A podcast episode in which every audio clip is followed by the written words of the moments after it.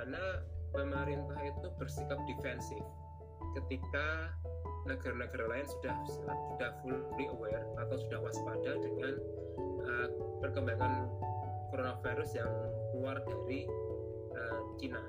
Jadi epicentrumnya sudah menjalar ke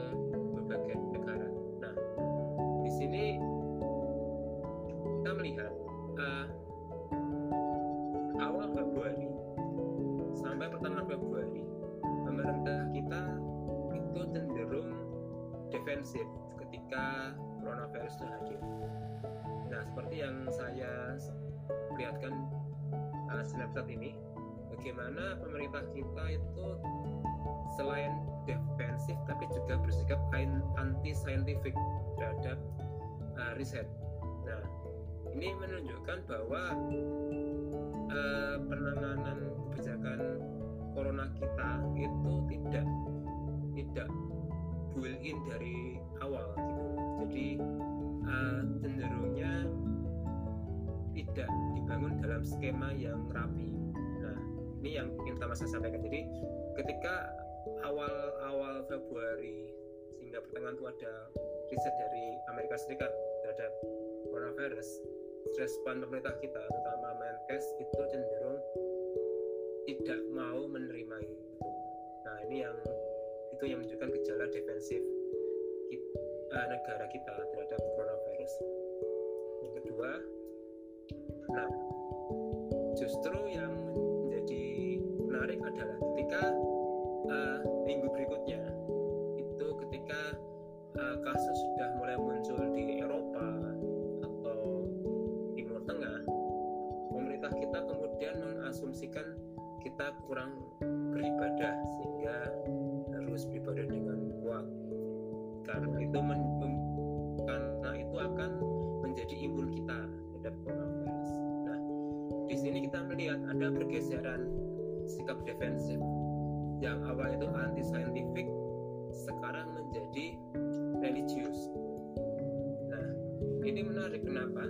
Karena ada suatu kecenderungan pemerintah kita itu antara mau menyembunyikan fakta atau memang berusaha untuk menenangkan masa. Nah ini ada dua perspektif itu teman-teman dalam melihat respon pemerintah di awal-awal uh, penanganan coronavirus. Nah di sini kemudian mulai muncul ketimpangan informasi yang ada di tanah air di Indonesia maksud saya. Uh, jadi ketika uh, sudah mulai sibuk dengan membeli hand sanitizer kalau di Australia itu pada sibuk memborong uh, tisu toilet misalnya atau kemudian memborong alkes lainnya nah kita di sini cenderung tidak berusaha untuk bersikap uh, menjaga kesehatan diri. Nah ini yang menurut saya agak agak unik di sini. Kenapa kita tidak mengikuti tren yang ada di global? Nah, nah pesan yang ingin saya sampaikan di sini adalah ketika ketimpangan informasi itu muncul antara pemerintah kita dengan dunia global, respon yang muncul kemudian adalah lalu yang benar menangani lalu yang benar tentang coronavirus seperti apa gitu karena satu sisi karena uh, masyarakat kita itu cenderung abai dan pemerintah cenderung menutupi sehingga muncullah anggapan bahwa uh, coronavirus ini adalah bentuk uh, wabah yang itu hanya terjadi di negara-negara yang zolim misalnya. Nah ini satu sisi menunjukkan adalah gejala over religiositas kita terhadap masalah global artinya kita cenderung inward looking melihat ke dalam daripada kita ini yang gejala kedua yang saya sebut sebagai uh, ketimpangan informasi itu tadi. Namun kemudian faktanya adalah kita kemudian sikap defensifnya itu semakin semakin lama semakin menurun itu loh. Yang pertama anti scientific yang kedua itu kemudian uh, religius yang sekarang kemudian bersikap tradisionalis. Nah artinya semakin lama ketimpangan itu semakin menjadi gitu artinya uh, tidak berusaha untuk mengatur protokol protokol kesehatan dan lain sebagainya namun cenderung bersikap semakin denial nolak menurut terhadap perkembangan coronavirus yang itu sudah sangat menggejala di mana-mana nah ini yang menjadi keprihatinan kita kenapa informasi yang kita dapat dengan apa yang dapat di dunia global itu berbeda gitu versinya gitu. nah satu hal menarik yang ingin saya sampaikan adalah memang ketimpangan informasi ini uh, sengaja mungkin antara sengaja dan di, sengaja dibuat atau sengaja dibiarkan karena kalau misalnya uh, saya atau teman-teman itu sebagai pemerintah saya akan berusaha menjaga informasi ini tidak sebar ke mana-mana karena akan menimbulkan kematian massa gitu loh. Karena di negara-negara lain ketika coronavirus itu sudah sangat menggejala masyarakatnya pada panik. Dan saya pikir kalau saya berpikir saya dan teman-teman berpikir positif mungkin pemerintah kita sedang berusaha untuk menjaga perasaan kita agar jangan ikut panik gitu nah itu yang pertama. Yang kedua anggapan lain yang muncul adalah ketimpangan informasi ini sengaja dibiar sengaja diabai, dibiarkan dan diabaikan karena uh, pemerintah kita tidak punya kapasitas untuk uh, memberikan informasi yang rinci terhadap coronavirus saat itu. Yang itu uh, kasusnya per negara berbeda-beda. Nah dan sementara di negara kita belum punya kasus seperti itu. Nah makanya kemudian pemerintah juga bingung untuk menerapkan definisinya sendiri. Pemerintah sorry negara negara kita juga kebingungan mau seperti apa kita gitu. Nah ini yang menurut saya sumber lain tentang ketimpangan informasi. Nah namun kemudian pada faktanya adalah jadi ini saya kutip dari uh, Uni Melbourne faktanya adalah ternyata kenaikan coronavirus kita semakin lama semakin naik. Nah, data dari Unimap itu menunjukkan bahwa kalau sejak 15 Maret 2020 itu sudah ada gejala uh, tentang coronavirus di Indonesia. Cuman pemerintah kita cenderung abai, abai dan abai. Nah, ini yang menunjukkan adanya ketimpangan. Tadi soal ketimpangan soal informasi coronavirus sekarang ketimpangan soal dampaknya. Nah ini yang menurut saya agak agak lucu karena mana-mana uh, korban berjatuhan tanpa diketahui sebabnya kan. Nah sekarang kalau di Indonesia pun seperti itu gitu maksud saya dari 12 Maret sehingga sekarang itu grafiknya naik terus kurvanya gitu teman-teman. Dan garis yang putus-putus ini sebenarnya dalam menunjukkan uh, ada beberapa gejala uh, kenaikan korban yang sifatnya under reporting masih belum terdeteksi secara resmi gitu. Tapi se senyatanya ada gitu teman-teman. Cuman negara kita baru mengakuinya setelah akhir Maret gitu loh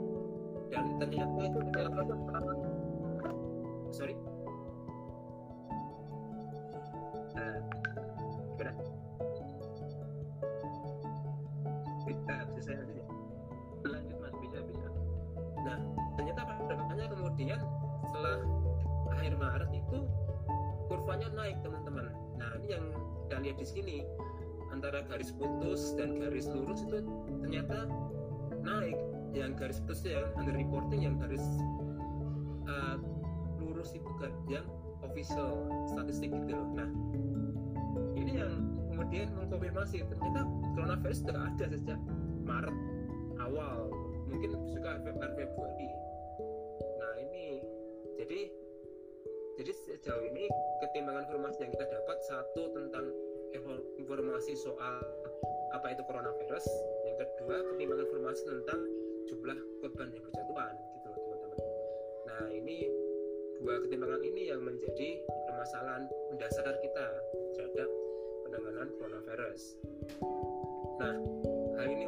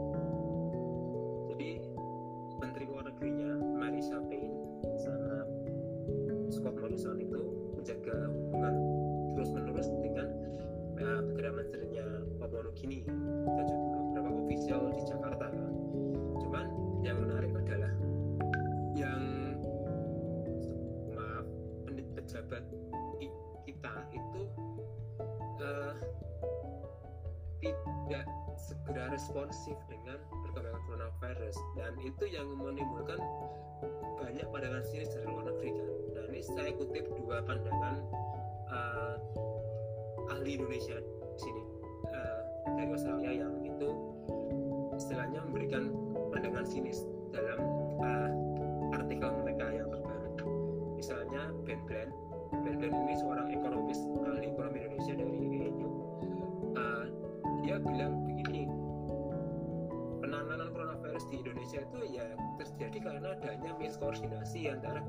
dan uh, pusat dengan Pemda di daerah.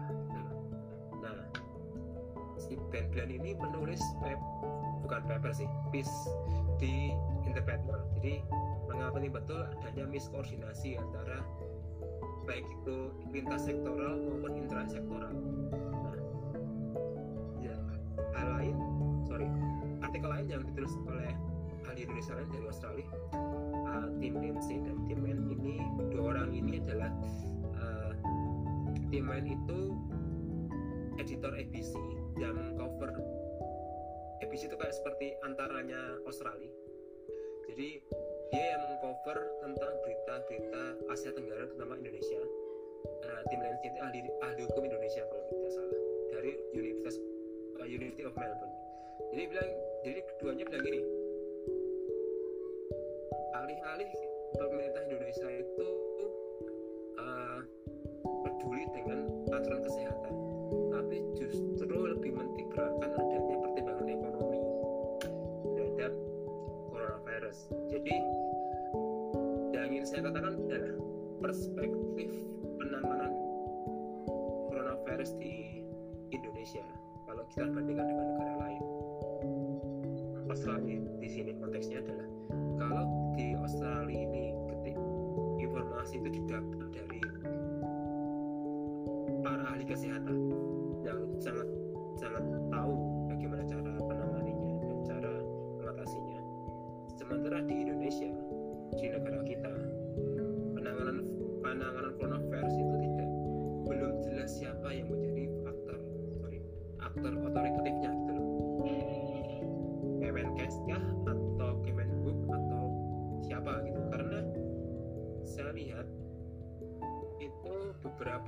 kriteria punya versinya masing-masing gitu loh nah kalau kita bandingkan di negara maju di Australia misalnya itu yang namanya uh, Chief Minister of Health itu sangat pejabat pejabat Kementerian Kesehatan di tingkat negara bagian atau federal itu menjadi orang yang orang nomor dua paling penting setelah perdana menteri atau uh, gubernur negara bagian. Jadi kalau ada press conference sini. Di podium itu yang kanan itu adalah menteri yang satu adalah uh, menteri kesehatan. Nah itu menunjukkan bahwa kebijakan yang diambil informasi yang diambil berdasarkan dari kesehatan. Nah, di tanah air itu belum jelas siapa yang menjadi dasar pengambilan keputusan ini gitu. nah ini yang menurut saya menjadi pertimbangan informasi di tingkat kebijakan publik. Ini yang menurut saya agak agak riskan juga gitu loh. Ketika korban semakin banyak angka konfirmasi itu semakin tinggi uh, kok tidak ada semacam data atau pendapat resmi yang itu valid digunakan untuk pembuatan kebijakan publik nah, nah ini sekiranya beberapa analisis sederhana saya terhadap informasi yang ada di Indonesia. Ya seperti tadi yang saya bilang di awal, jadi pemerintah kita itu emang sangat antara menyembunyikan agar tidak tidak timbulkan kepanikan atau yang kedua itu memang bersikap anti sains gitu loh terhadap penanganan coronavirus.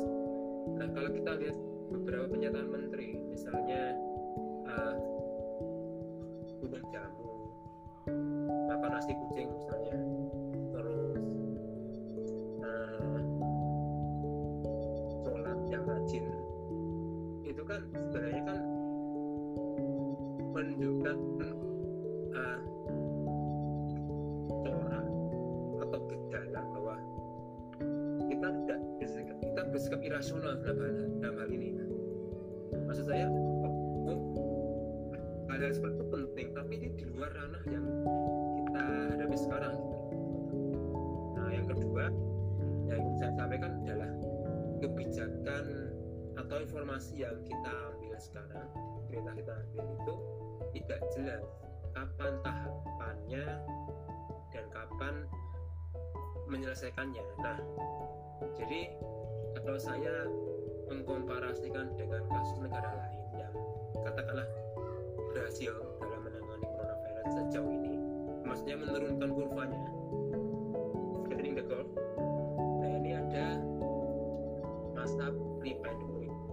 Ada masa in pandemic sama post pandemic nah kalau negara-negara lain katakanlah Taiwan Australia New Zealandia baru uh, terus kemudian negara-negara lain yang itu punya uh, testing capacity yang kuat sama penanganan yang kuat itu sudah masuk pada masa post pandemic jadi uh, mulai berusaha untuk membuka sektor perekonomian meskipun dalam skala terbatas dan berusaha untuk menerapkan yang namanya new normal kenormalan baru. Artinya social distancing menjadi hal normal baru atau kemudian membawa sanitizer itu menjadi hal pakem. Nah sementara kalau kita bandingkan dengan di tanah air di Indonesia itu belum jelas teman-teman. Kita sebenarnya sekarang di tahapan yang mana gitu. Apakah kita masih pre pandemic in pandemic atau post pandemic nah maksud saya kebijakan atau informasi penanganan coronavirus di Indonesia tidak tidak diikuti dengan hal seperti ini teman-teman. Jadi ini pandangan saya ya kalau kalau dikoreksi. Jadi uh, jadi semuanya serba campur aduk gitu teman-teman di tanah air. Jadinya kita pun juga bingung gitu loh. Jadi misalnya gini rame-rame ribut lockdown kemudian sekarang berusaha untuk membuka toko misalnya disinfektan kemudian rame-rame datang ke masjid. Nah maksudnya di sini maksudnya itu kegiatan-kegiatan seperti itu ada masanya masing-masing gitu loh teman-teman. Saya sampaikan jadi tidak bisa kita langsung apa ya lompat lom kebiah uyah atau tumpang tindih satu sama lain di masa di permasa gitu nah kalau di Australia misalnya itu kalau di masa pre pandemic itu sekitar awal Februari itu yang menjadi tekanan adalah uh, hand sanitizer sama social distancing. In pandemic kalau di Australia itu enggak non essential business ditutup. Uh, kemudian kalau bepergian uh, sorry itu hanya boleh soal jogging kesehatan. Atau misalnya bekerja tapi karena karena tapi karena tidak bisa PMH misalnya di sektor proyek. Nah sekarang di Australia sekarang lagi sudah masuk masa post pandemic jadi uh, kita sekarang sudah boleh makan di uh, restoran tapi hanya 10 orang. Kita boleh mengunjungi warga lain tapi masih dalam pertarian keluarga 10 orang tapi harus menjaga jarak satu setengah meter orang nah seperti itu teman-teman. Nah yang ketiga adalah jadi benchmarking informasi yang kita kita gunakan atau masukan kita dapat dari luar negeri itu tidak belum sempurna teman-teman. Jadi saya masih ingat atau teman-teman juga mengalami mungkin yang sangat mengalami dibandingkan saya. Jadi ada campur baur antara istilah lockdown, shutdown, emergency dan lain sebagainya. Maksud saya kalau kita berkat berkaca dari kasus di luar negeri ini ini kasusnya case by case teman-teman. Jadi tidak bisa kita menerapkan satu kebijakan dari luar negeri yang itu blok di Indonesia gitu loh. Nah di negara-negara lain misalnya lockdown itu lebih ditekankan pembatasan uh, gerakan massa. Jadi uh, langsung ditutup batasnya batas wilayah. Masyarakatnya disuruh di dalam rumah. Dan hanya boleh bepergian hal yang tidak esensial. Nah itu itu lebih banyak kita boleh beraktivitas di dalam wilayah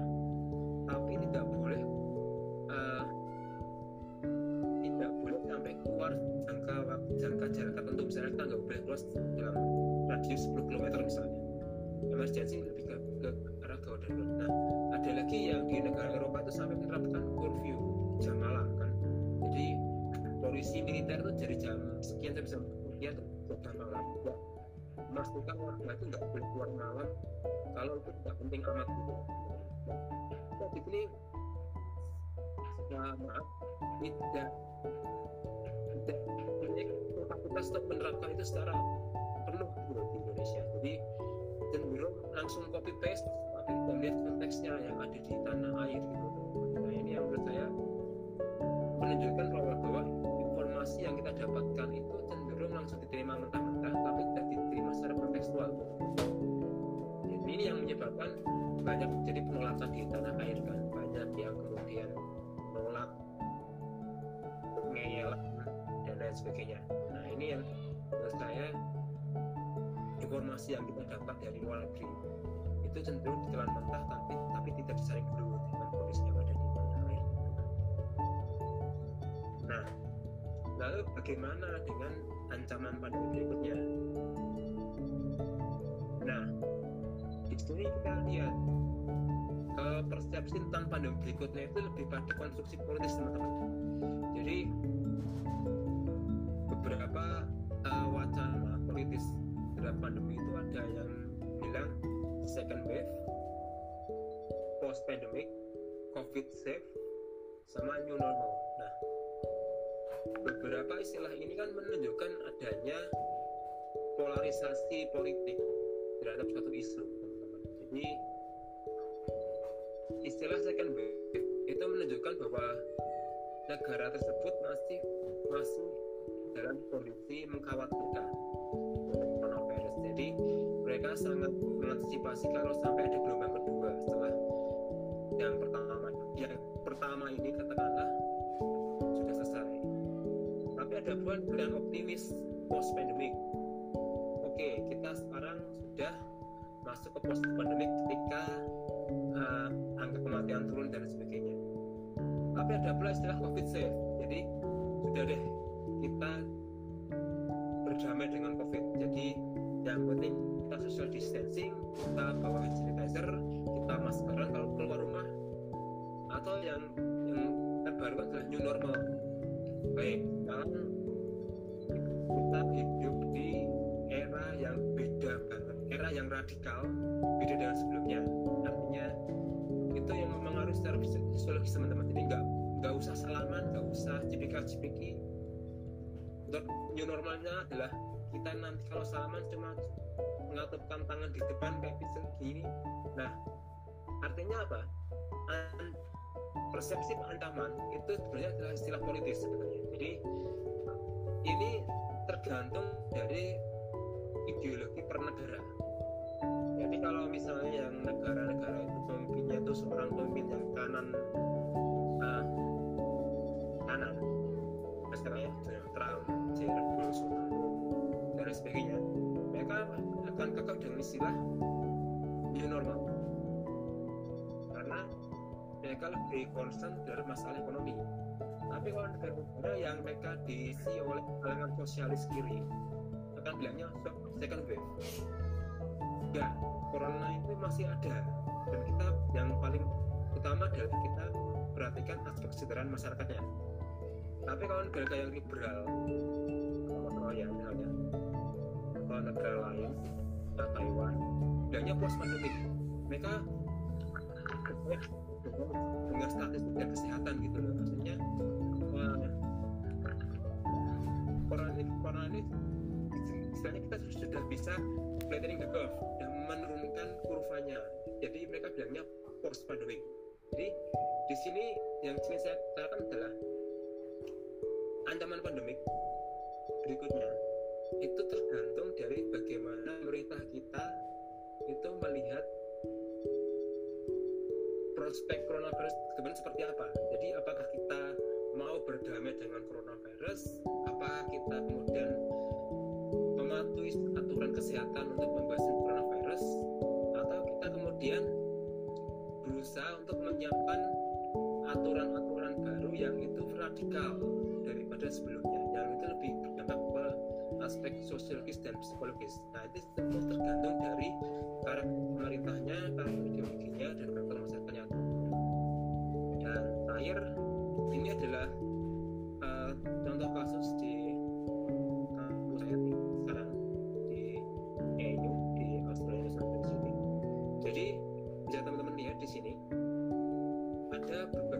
level di sini. Nah, di sini uh, keterbukaan kampus itu juga mengikuti kebijakan pemerintah negara bagian. Jadi uh, kampus akan buka tanggal 2 Juni, tapi itu hanya terbatas riset atau staff yang itu tujuannya mendukung uh, coronavirus. Nah, kalau yang di sini itu lebih menyiapkan adanya persiapan terbukaan kampus.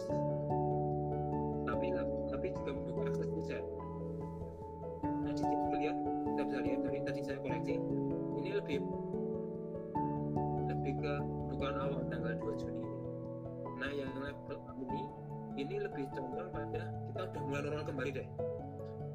Tapi yang ingin saya katakan adalah di sini teman-teman. Jadi ada hand hygiene uh, cough etiquette social distancing dan stay home if sick. Jadi ini adalah new norms yang diterapkan di kampus.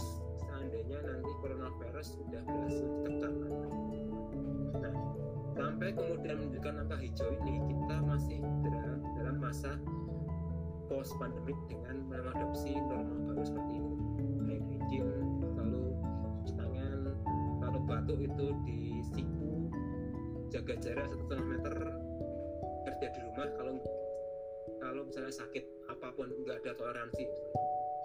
Dan di sini ada informasi yang cukup jelas di dari kampus menyediakan uh, informasi tentang coronavirus ya mungkin itu ada teman-teman dari saya Pengalaman saya mohon maaf kalau ada salah sekian assalamualaikum warahmatullahi wabarakatuh Waalaikumsalam warahmatullahi wabarakatuh. Saya mulai uh, pemaparan dari Mas Wasis. Uh, selanjutnya dari uh, pemantik kedua Kak Abdullah. Sebelumnya bagi teman-teman uh, yang ingin bertanya, dipersiapkan mohon dipersiapkan pertanyaannya. Uh, oke selanjutnya Kak Abdullah saya persilakan untuk menyampaikan materinya. Oke saya sambil share screen ya. Uh, saya pertama-tama saya mengucapkan juga apresiasi terhadap teman-teman RBK yang secara konsisten menjalankan kegiatan ngabuburit yang ini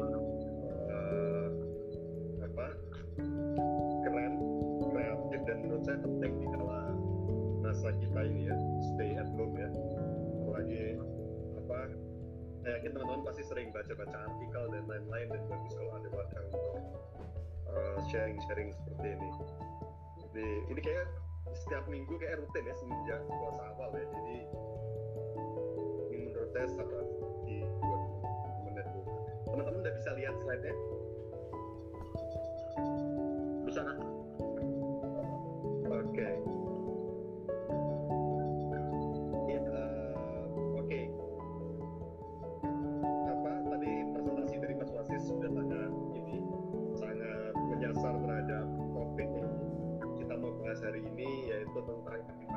Informasi dan apa bagaimana kita akan menghadapi pandemi selanjutnya yang yang kita pastinya kita nggak tahu kapan kan kita nggak tahu kapan pandemi yang sekarang ini berhenti sebenarnya. Uh, dari sisi saya sendiri saya nanti akan fokus menyoroti dari sudut pandang bagaimana kota menghadapi pandemi tentunya dalam konteks pengelolaan data karena saya diminta untuk bicara itu dan tetap dalam kerangka apa ketimpangan informasi untuk uh, mendekati permasalahannya. Uh, ini slide yang sebenarnya saya nggak mau panjang di sini. Ini cuma untuk sedikit apa memantik uh, apa diskusi tentang politik data. Tadi banyak yang sudah dibahas oleh Mas Wasis tapi kira-kira teman-teman mungkin masih melihat ada ada beberapa politisi kita yang suka membanding-bandingkan fatality rate tapi dibandingkan dengan apa uh, terhadap total populasi ya. Bukan uh, bukan fatality rate dibandingkan dengan jumlah kasus. Jadi misalnya yang mati sudah 1.500 data ofisial ya. Lalu dibandingkan dengan jumlah populasi yang ratusan juta. Sehingga itu terlihat kecil dan corona itu dianggap tidak terlalu apa tidak terlalu berbahaya sehingga ekonomi bisa dibuka mungkin akan melihat argumen-argumen semacam ini ke depannya. Mungkin nggak dikatakan secara ofisial oleh pemerintah tapi di, di oleh buzzer-buzzernya mungkin. Uh, tapi saya rasa kan argumen-argumen semacam ini akan masih terus keluar. Jadi ini mungkin satu aspek politik data tapi mungkin secara itu tadi secara politis mungkin secara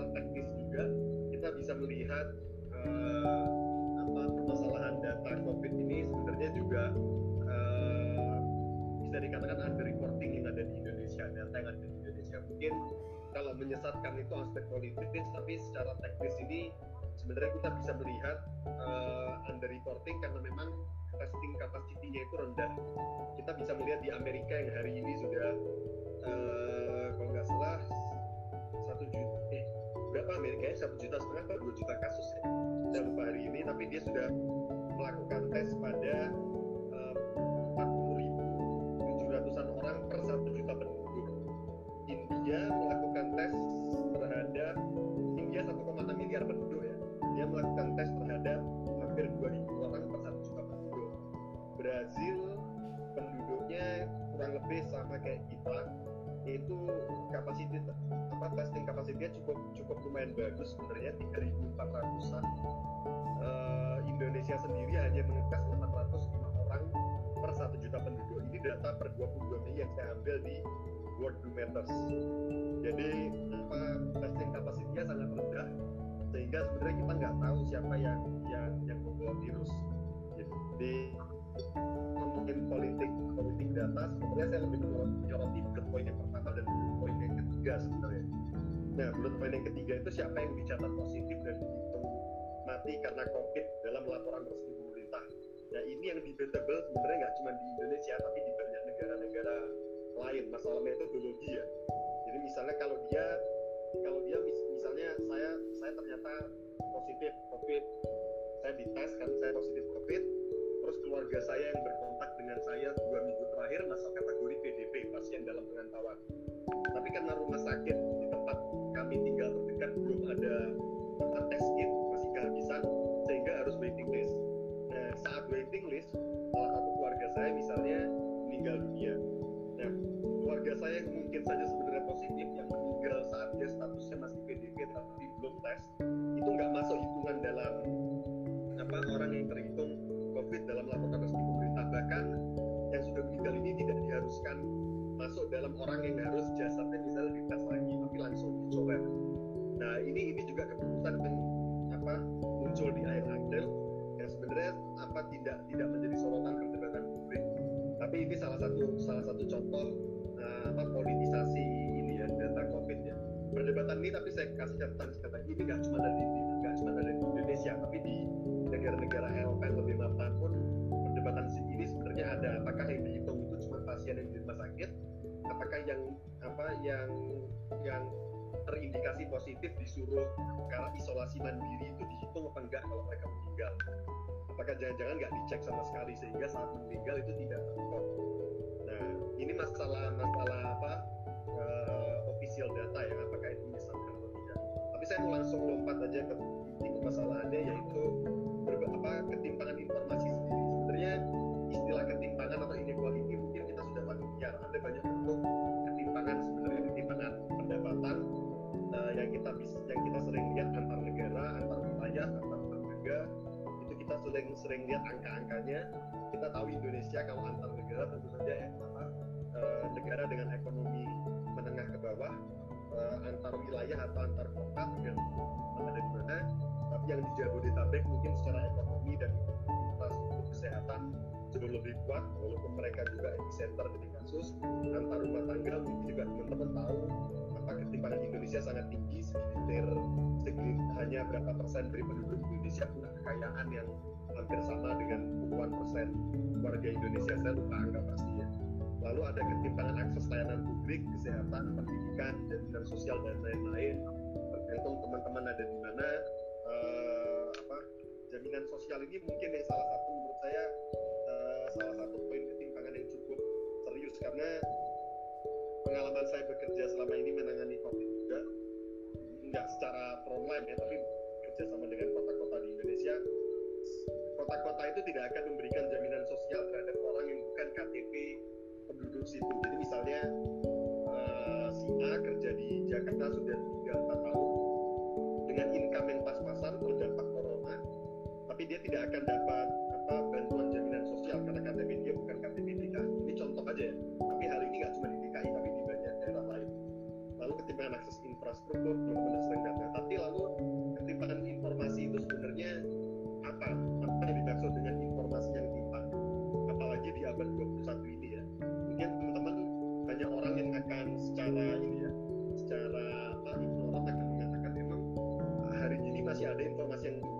bukannya hampir semua orang sekarang pegang smartphone pegang ponsel pintar. Bukannya semua orang sekarang pegang apa akses informasi. Nah tapi sebenarnya kalau coba kita definisikan ketimpangan informasi sebenarnya cukup kompleks. Ada beberapa definisi yaitu masalah kapasitas untuk mengakses informasi yang tidak setara memang memang memang tersebar. Tapi siapa yang bisa mengakses informasi kapasitas setiap orang itu berbeda-beda. Misalnya yang bisa yang bisa bahasa Inggris mungkin dia bisa akses informasi lebih cepat. Yang punya uang untuk akses apa Harvard Business Review secara bulanan akses New York Times dan lain-lain itu mungkin akan dapat informasi lebih cepat dibandingkan orang-orang yang tidak bisa bahasa Inggris dan apa yang tidak punya kapasitas untuk subscribe. Bahkan harus majalah bahasa Inggris ya. Tapi subscribe Tempo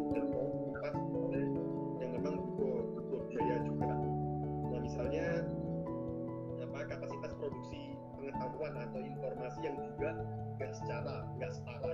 Misalnya di tingkat pemerintah misalnya yang nggak mampu apa memproduksi informasi perkembangan COVID secara real time secara komprehensif uh, itu juga kapasitasnya beda-beda setiap kota setiap negara. Lalu kapasitas untuk memproses informasi ini poin yang penting. Uh, tingkat pendidikan tentu berpengaruh terhadap uh, kapasitas processing information uh, yang nanti akan dihasilkan menjadi pengetahuan uh, apa distribusi pengetahuan juga nanti itu tidak setara ini ada hubungannya dengan alat yang kita pakai untuk akses informasi. Nah ini ada satu definisi dari salah satu ilmuwan pakar komunikasi yang sebenarnya sudah cukup lama misalnya yaitu mengartikan apa kemiskinan informasi itu sebagai situasi di mana uh, individual dan komunitas itu pada pada konteks tertentu itu tidak memiliki skill atau kemampuan atau materi atau materi atau alat yang mencukupi untuk mendapatkan uh, akses informasi yang efisien uh, dan tepat terhadap uh, apa satu hal tertentu. Nah ini data yang sebenarnya cukup membantah adanya asumsi uh, mungkin asumsi kelas menengah atau enggak cuma kelas menengah sebenarnya asumsi banyak orang yang yang mungkin pernah baca statistik uh, kemiskinan di Indonesia atau tentang jarang melihat orang miskin dalam kehidupannya itu sebenarnya kalau kita melihat ini survei dari apa uh, ya tahun 2017 kita lihat sebenarnya uh, ada 33 persen orang di Indonesia yang belum menggunakan smartphone.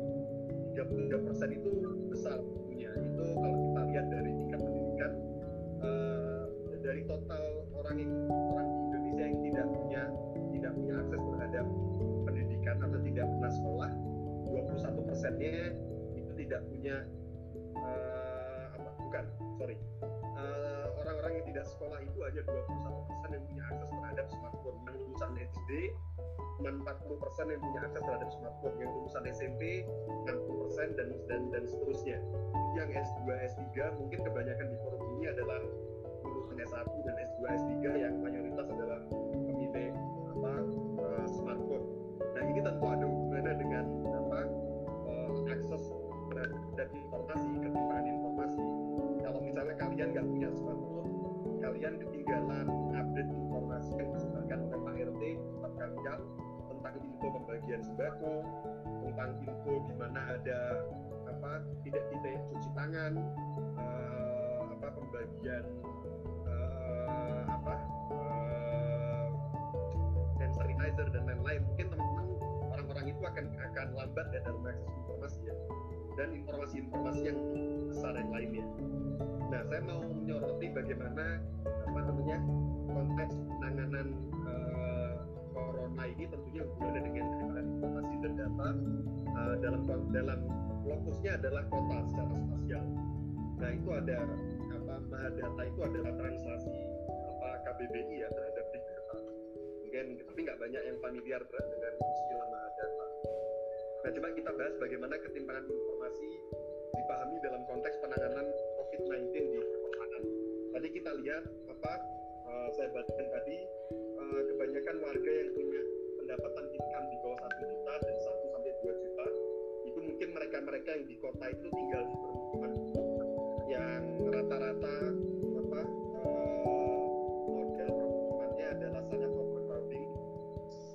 distancing itu sangat sulit di apa namanya ruang-ruang yang sangat overcrowding seperti itu. Dan mereka punya pendapatan yang sangat rendah. Rata-rata orang di situ rata-rata bekerja informal mereka sangat terdampak oleh corona. Uh, apa uh, informasi terbatas. Tidak punya smartphone banyak dari mereka. Uh, lalu apa uh, mereka tinggal di wilayah yang sangat overcrowding sehingga mereka menjadi menjadi apa sasaran saya ingin saya ingin menyoroti kira-kira bagaimana sebenarnya big data itu bisa memainkan perannya dalam penanganan wabah virus. Tadi kan saya disuruh sama teman-teman di RBK ngomong tentang politik data. Saya coba masuk dari dari bagaimana big data itu apa menggunakan uh, data dalam penanganan corona. Nanti saya akan masuk dalam sisi politisnya, tapi saya ingin masuk secara umum dulu. yang pertama adalah ini praktek yang, di, yang dilakukan di banyak kota-kota di dunia, yaitu adalah uh, tracing mobility atau melacak mobilitas penduduk untuk menahan potensi transmisi virus dengan cara membatasi uh, membatasi dengan cara melacak secara cepat. Orang-orang yang ternyata konfirmasi positif atau orang-orang yang punya riwayat kontak dengan orang positif mereka berkontak dengan siapa saja. Nah ini harus dilacak secara cepat ditemukan orang-orangnya lalu mereka diberikan tes atau kalau misalnya apa tes kita belum tersedia orang-orang ini harus terus dipaksa untuk isolasi mandiri nah kalau mereka nggak punya income kalau memang mereka tergantung terhadap income harian saat mereka dipaksa isolasi tentu pemerintah harus menyediakan apa uh, alternatif uh, bahan untuk bertahan hidup, pangan.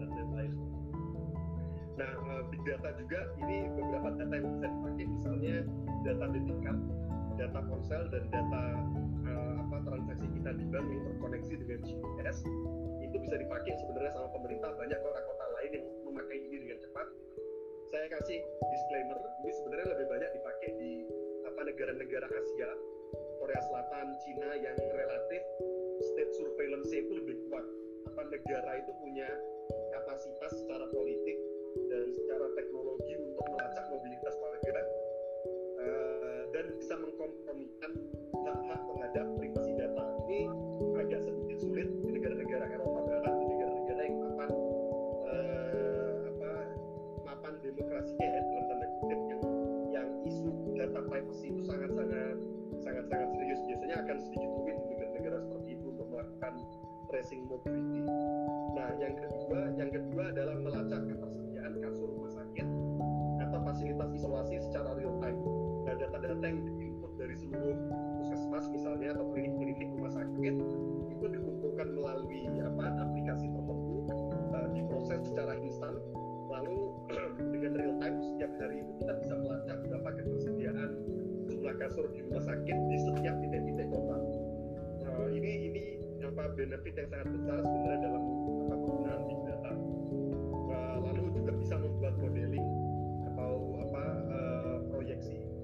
dapat membantu apa uh, suprastruktur sistem kesehatan para petugas kesehatan mengambil kebijakan rumah sakit untuk bersiap terhadap lonjakan kasus. Nah ini yang menarik mungkin. Jadi uh, data itu sangat banyak bertebaran. Data mobilitas penduduk, data insiden yang positif, uh, data migrasi warga dan lain-lain. Tapi bagaimana memproses data-data yang dan membuat analisis dari data yang dibutuhkan ini. Nah itu membuat modeling itu apa big data itu bisa dijadikan bisa bisa mengelola data secara cepat dan membantu mengambil kebijakan uh, membuat modeling untuk mengetahui kapan di waktu-waktu tertentu kasus itu akan melonjak secara cepat. Nah kalau pemerintah tahu misalnya dengan proyeksi tentu ya proyeksi itu bisa nggak akurat bisa akurat dengan kualitas data dan metodologinya. Nah kalau kita tahu misalnya dua minggu tiga minggu depan kita melihat mobilitas warga yang tinggi, maka kemungkinan tiga minggu ke depan angka lonjakan kasus akan naik 30%. Nah kalau kita tahu itu kita bisa mengalokasikan tenaga medis kita di kota-kota tertentu. Nah jadi manfaatnya ada banyak sebenarnya dari pengelolaan big data. Nah yang ke, yang terakhir adalah melacak jaringan sosial warga, social network untuk memahami potensi transmisi virus para pasien. Nah itu apa kita bisa melacak dari sosial media, wawancara orang-orang yang PDP yang positif, mereka itu dua minggu terakhir berkontak dengan siapa saja dan lain-lain. Nanti itu kita bisa petakan secara visual dengan aplikasi di mana nanti mereka ini terletak tinggal di mana sehingga kita bisa tahu wilayah yang rentan. Tapi saya kasih catatan di bawah itu segala kelebihan dan potensi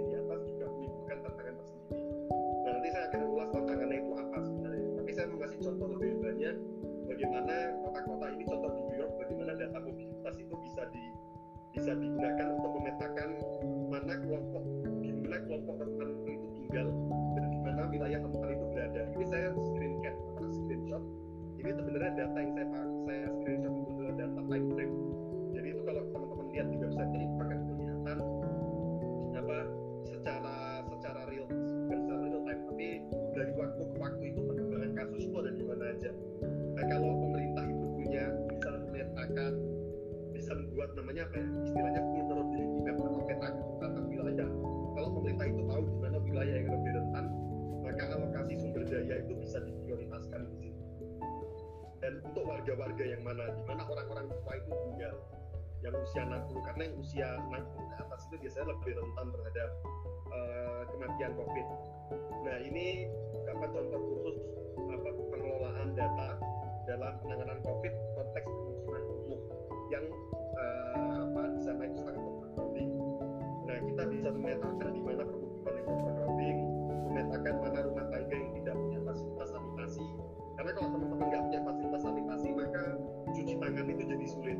Kalau cuci tangan sulit maka uh, potensi untuk membersihkan virus menghilangkan virus dari tangan kita itu juga sangat kecil lalu juga nanti terakhir kita juga bisa menyusun strategi isolasi kelompok rentan menggunakan data yang dikumpulkan dari komunitas. Karena biasanya di pemukiman itu data itu sangat terbatas. Karena mereka biasanya uh, tidak diakui oleh pemerintah uh, eksistensinya jadi sebenarnya pemerintah nggak punya data terhadap data kependudukan. Nah sehingga yang bisa mengumpulkan data itu adalah komunitas yang tinggal di sana. Uh, komunitas apa pun ya sana Pak RT Pak RW nya di sana. Kadang mereka nggak punya RT juga sebenarnya karena mereka gagal uh, apa ini adalah manfaat data yang lain yaitu menyusun dekonfirmong tadi sebenarnya Mas Wasis ngasih apa klasifikasi yang menarik tadi. Saya nggak perlu kepikiran itu sebenarnya. New normal itu sebenarnya terkait dengan afiliasi dengan ideologi tertentu. Apa post post pandemic terafiliasi dengan dengan apa ideologi tertentu. Itu sebenarnya menarik ya.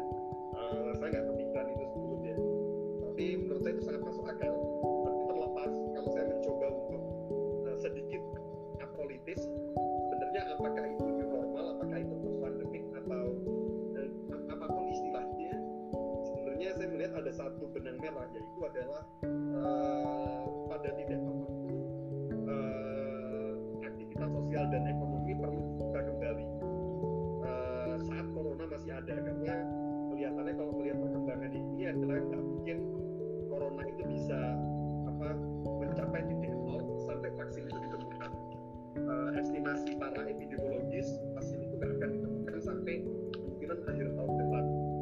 Dan nggak mungkin kita nyuruh orang nggak kerja untuk apa nah aja untuk sampai 2021 ya pemerintah juga nggak punya uang ya dan nggak akan mau mengeluarkan uang untuk ngasih sembako sampai 7 apa 18 bulan ke depan. Uh, sehingga ekonomi harus dibuka kembali dengan protokol-protokol tertentu itu yang sedang disiapkan pemerintah sekarang.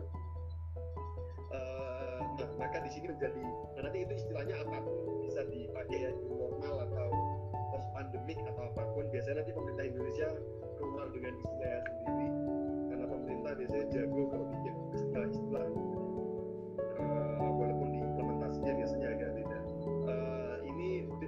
deconfinement ini adalah kata lain dari apa namanya uh, reopening ya. Bagaimana membuka kembali uh, yang di Cina, di Cina itu misalnya mereka merencanakan bikin scoring kerentanan yang sekarang sedang dicoba ditiru sama Indonesia lewat Kementerian Perekonomian. Uh, Kemenko Perekonomian sedang menyiapkan konsep scoring kerentanan yang di mana nanti setiap penduduk, setiap warga itu akan punya skor masing-masing apakah dia masuk kategori orang yang bisa keluar rumah? Misalnya nanti dia warnanya hijau indikatornya kalau dia merah dia ternyata scoringnya rendah jadi dia belum boleh keluar. Nah, tapi tentu saja kapasitas scoring ini tergantung juga dengan kapasitas surveillance negara. Kalau di Cina tentu kapasitas surveillance kuat mereka punya facial recognition yang kuat. Bahkan sekarang salah satu firma yang dipakai sama negara untuk mengembangkan apa teknologi facial recognition itu mengeklaim dia bisa recognize wajah orang bahkan kalau orang itu pakai masker. Jadi sudah sampai secanggih itu di Cina. Nah negara-negara seperti ini tentu saja punya kapasitas besar untuk scoring kerentanan tapi nggak saya nggak tahu di Indonesia saya rasa nggak jauh dari itu ya. Tapi kita harus memikirkan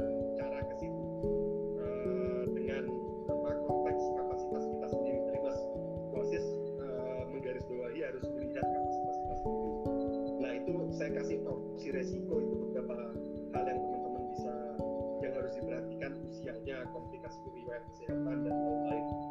Uh, tapi tadi saya mau balik ke slide ini. Apa lebih apa tantangannya apa sebenarnya dari penggunaan big data dan apa state surveillance? Karena tadi kelihatannya saya mengendorse state surveillance. Itu benar saya memang mengendorse state surveillance. Tapi tentu saya meng, apa, mengakui ada tantangan yang besar yaitu adalah saya juga sangat penting. Uh, kalau di Korea Selatan misalnya melakukan tracing data lalu pemerintahnya memberikan jaminan data itu akan tidak akan disalahgunakan oleh pihak ketiga dan memang tingkat kepercayaan publik saya nggak yakin itu sama di Indonesia. Ya. Saya sendiri kalau pemerintah mengeklaim itu saya akan sangat curiga. Karena sekarang saja data yang ada di provider-provider bisa dijual ke pihak ketiga tanpa izin. Teman-teman bisa terima SMS dari Starbucks, terima SMS promo dari banyak pihak tanpa pernah subscribe apa pun. Tentu sangat berbeda kalau pemerintah. Makanya saya melihat sebenarnya agak lucu. Pak Jokowi ngomong kita harus berdamai dengan corona. Sebenarnya kalau kita lepaskan dari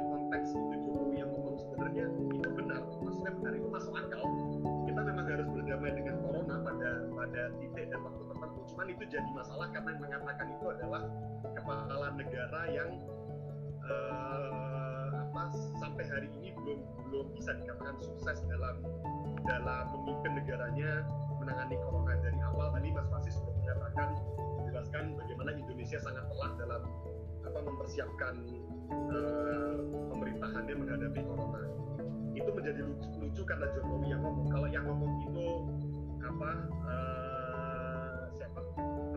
menteri New Zealand saya rasa nggak akan ada yang menertawakan itu. Orang akan akan bertepuk tangan tapi kalau Jokowi yang ngomong itu bukan menjadi masalah.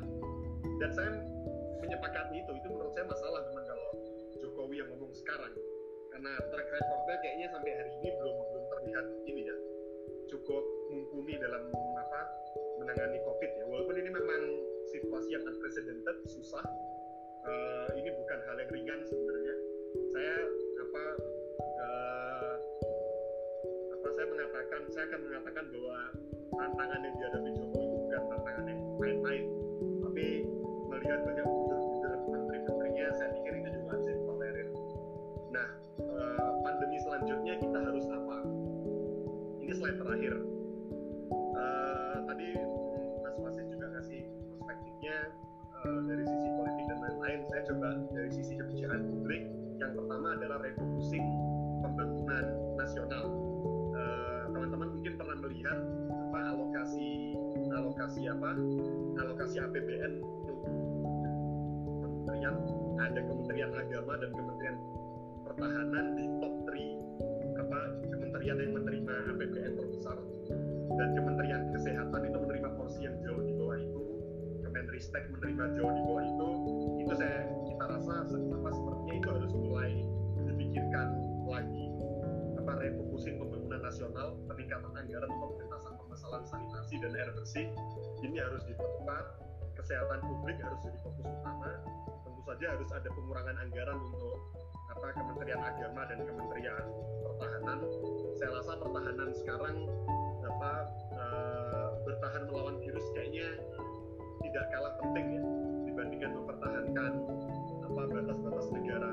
Saya nggak ngomong mempertahankan batas negara nggak penting itu penting juga tapi apa bertahan dari ancaman virus itu luar biasa pentingnya kita melihat sekarang bagaimana ekonomi diporak-porandakan kesehatan publik juga diporak-porandakan lalu peningkatan kapasitas mengambil kebijakan publik dalam menggunakan artificial intelligence dan machine learning ini juga saya rasa apa harus ditingkatkan kapasitas pengelolaan data Pemda juga pemerintah pusat penguatan infrastruktur IT dan jaringan fiber optik ini untuk memastikan seluruh apa wilayah di Indonesia punya akses terhadap internet yang, yang sama yang equal uh, atau paling nggak stabil lah. Lalu menguat ini penguatan kualitas literasi pandemi dan literasi digital.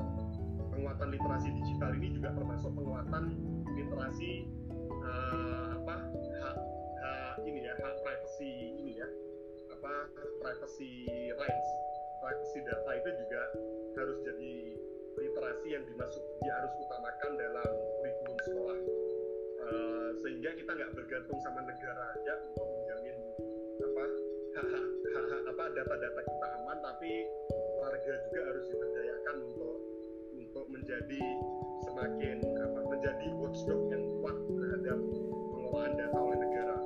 Nah yang terakhir adalah penguatan kerangka perlindungan data perlindungan data pribadi dalam jangka pendek, menengah dan jangka panjang. Jadi menurut saya harus ada harus dibuat skema apa uh, skema uh, apa saya menyebutnya extra surveillance state. Jadi kalau dalam kondisi normal tentu negara misalnya harus dibatasi melacak data mobilitas warga tapi kalau dalam kondisi darurat maka negara diperbolehkan untuk uh, privasi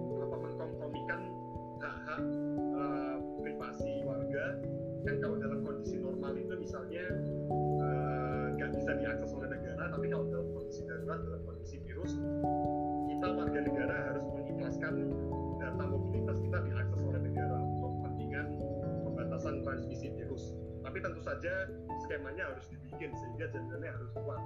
Tapi sekali lagi saat implementasi itu nggak mudah.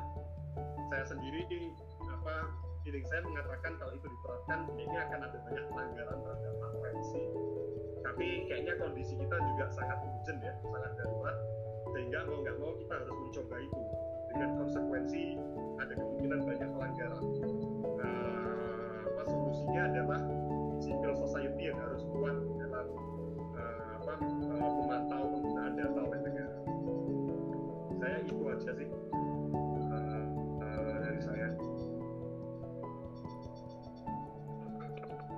terima kasih uh, Kak Abdullah dan Mas Altis uh, selanjutnya uh, sebelum itu saya cukup menarik ya ini diskusinya.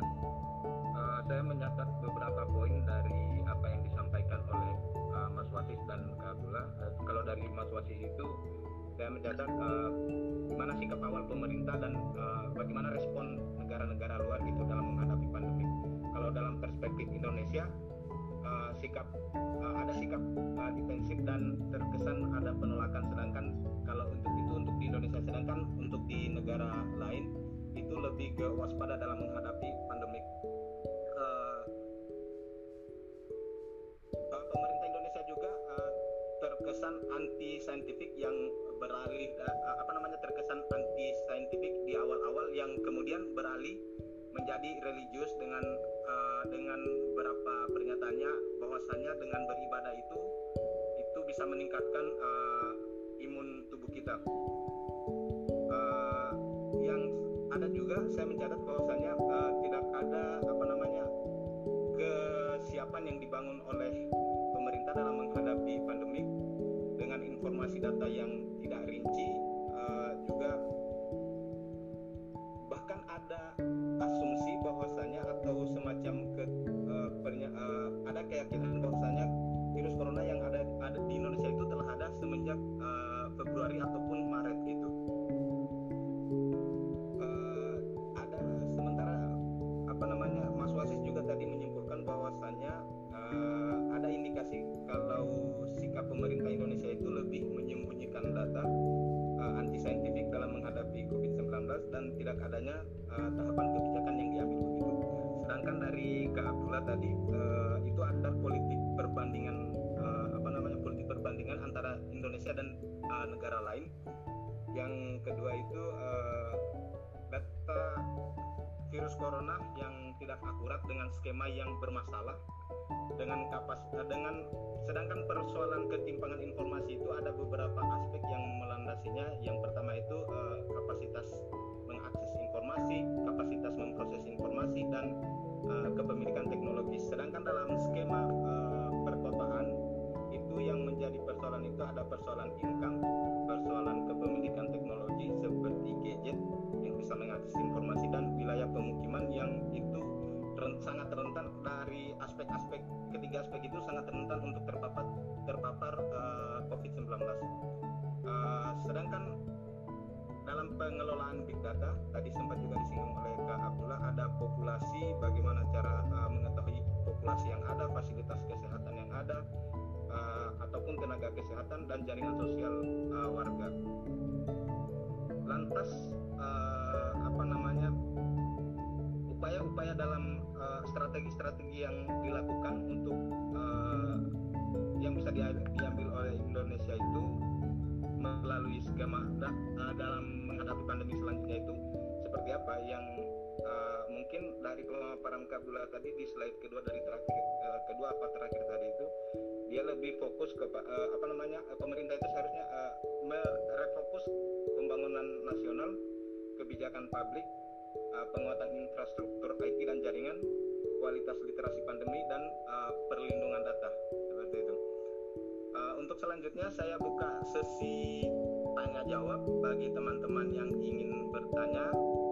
saya persilakan di sesi pertama saya buka tiga pertanyaan untuk para uh, peserta untuk teman-teman uh, nanti bisa di ini bisa di apa namanya bisa tinggal masuk aja gitu tinggal diaktifkan aja mic-nya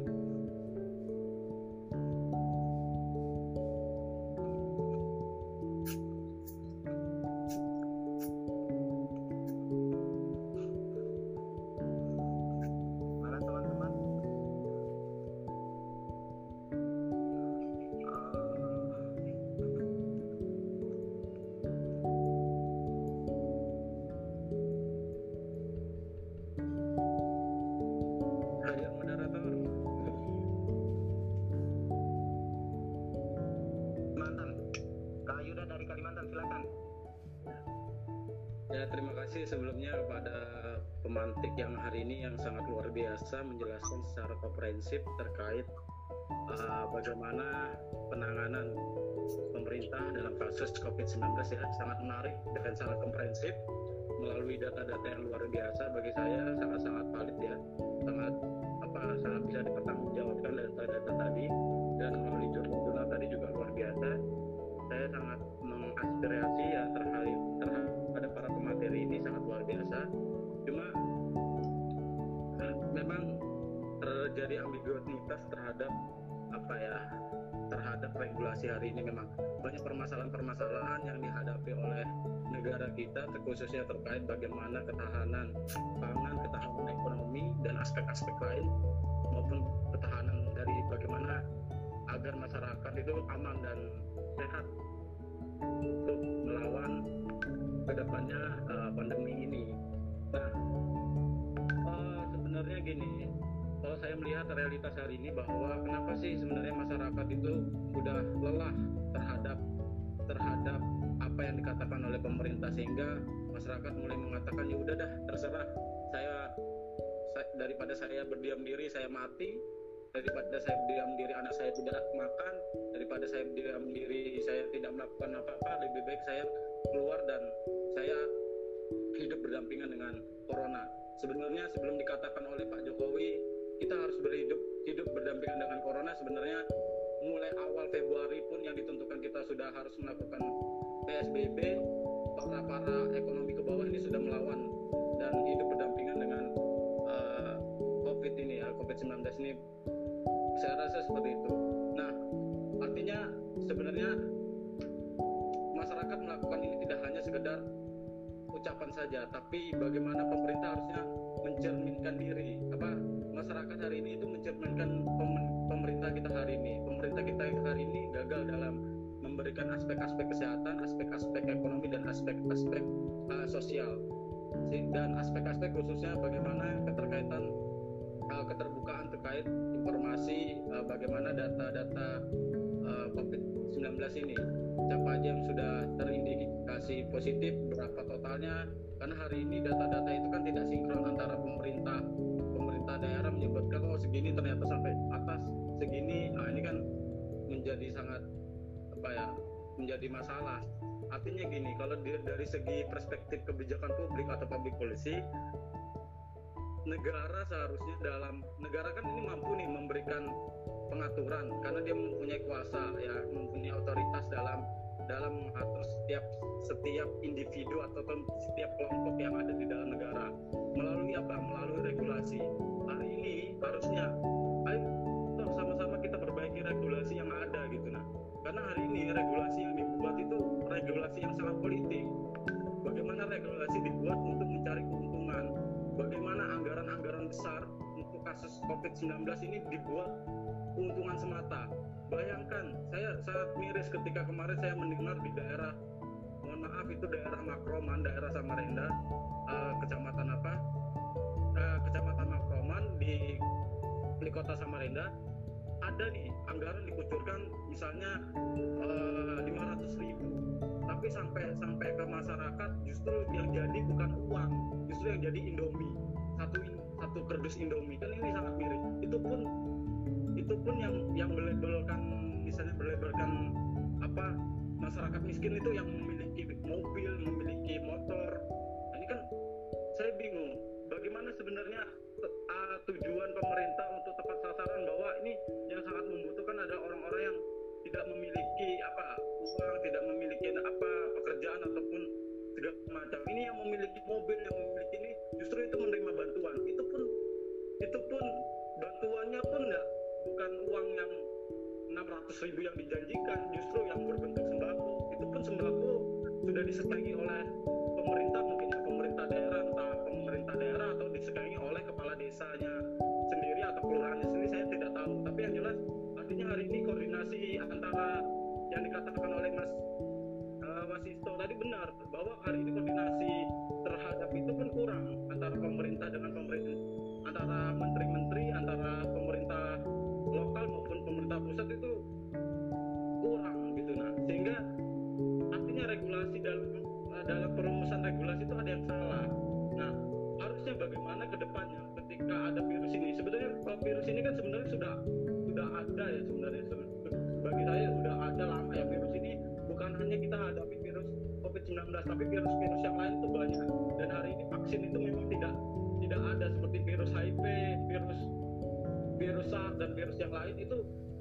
vaksin tidak ditemukan ya kan?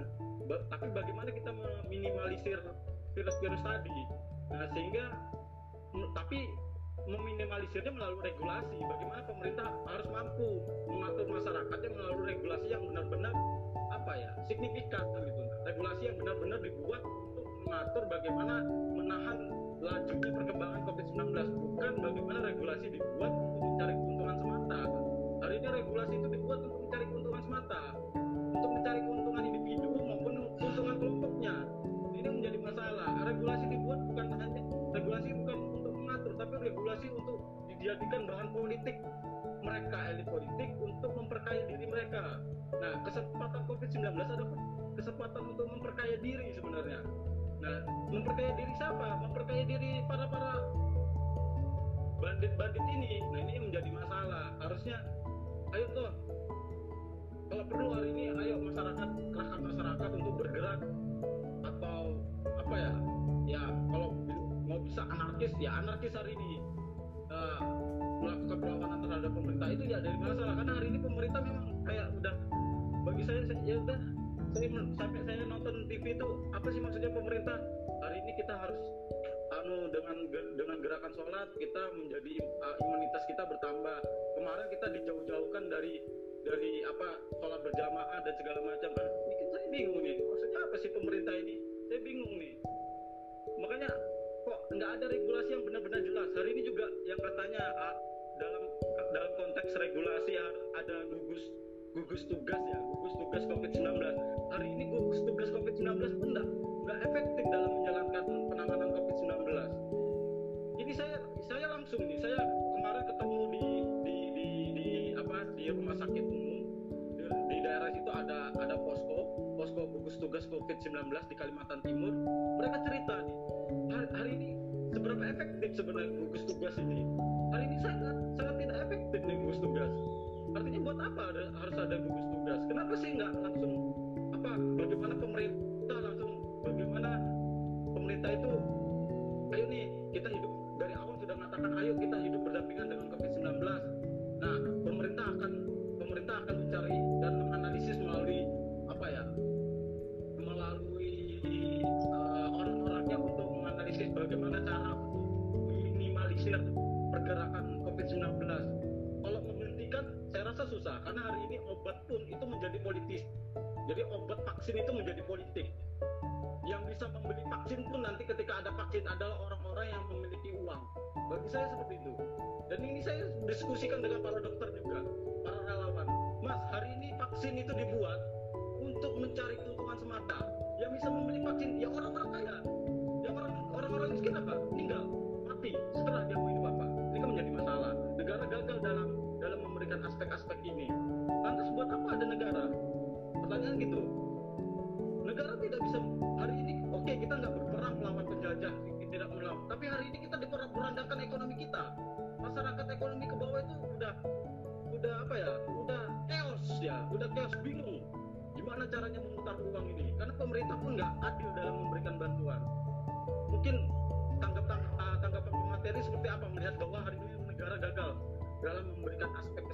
aspek informasi, aspek dan segala macam.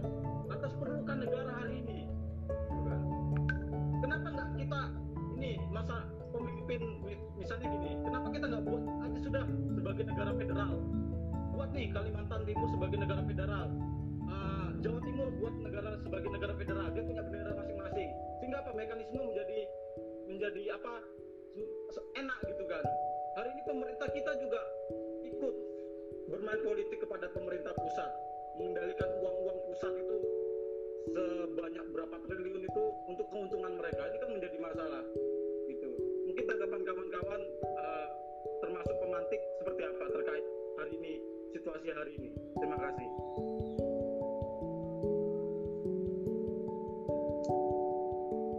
Uh, ini gimana ini skemanya mau ditampung dulu atau langsung ditanggapi Mas Wasis Kak Dula?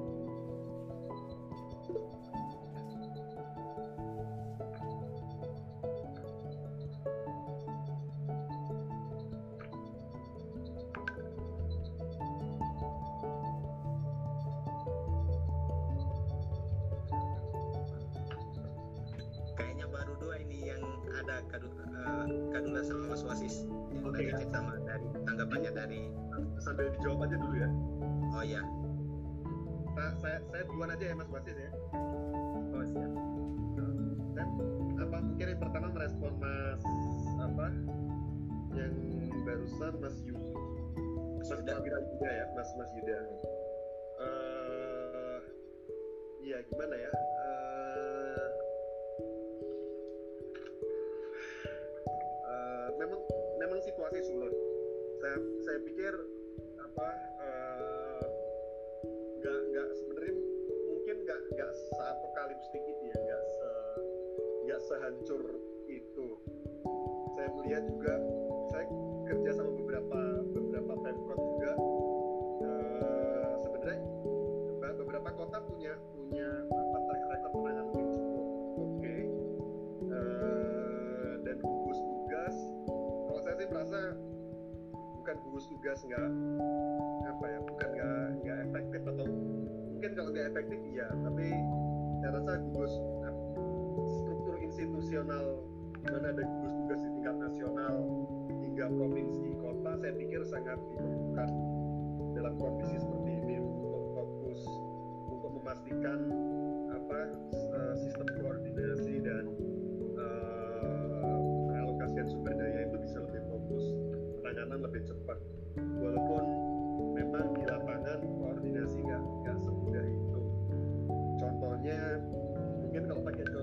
pemerintah pusat itu sangat sangat politis ada persaingan politik yang lebih besar yang yang yang juga besar ya. Bukan lebih besar kalau nggak ada yang lebih besar daripada situasi corona ini sebenarnya.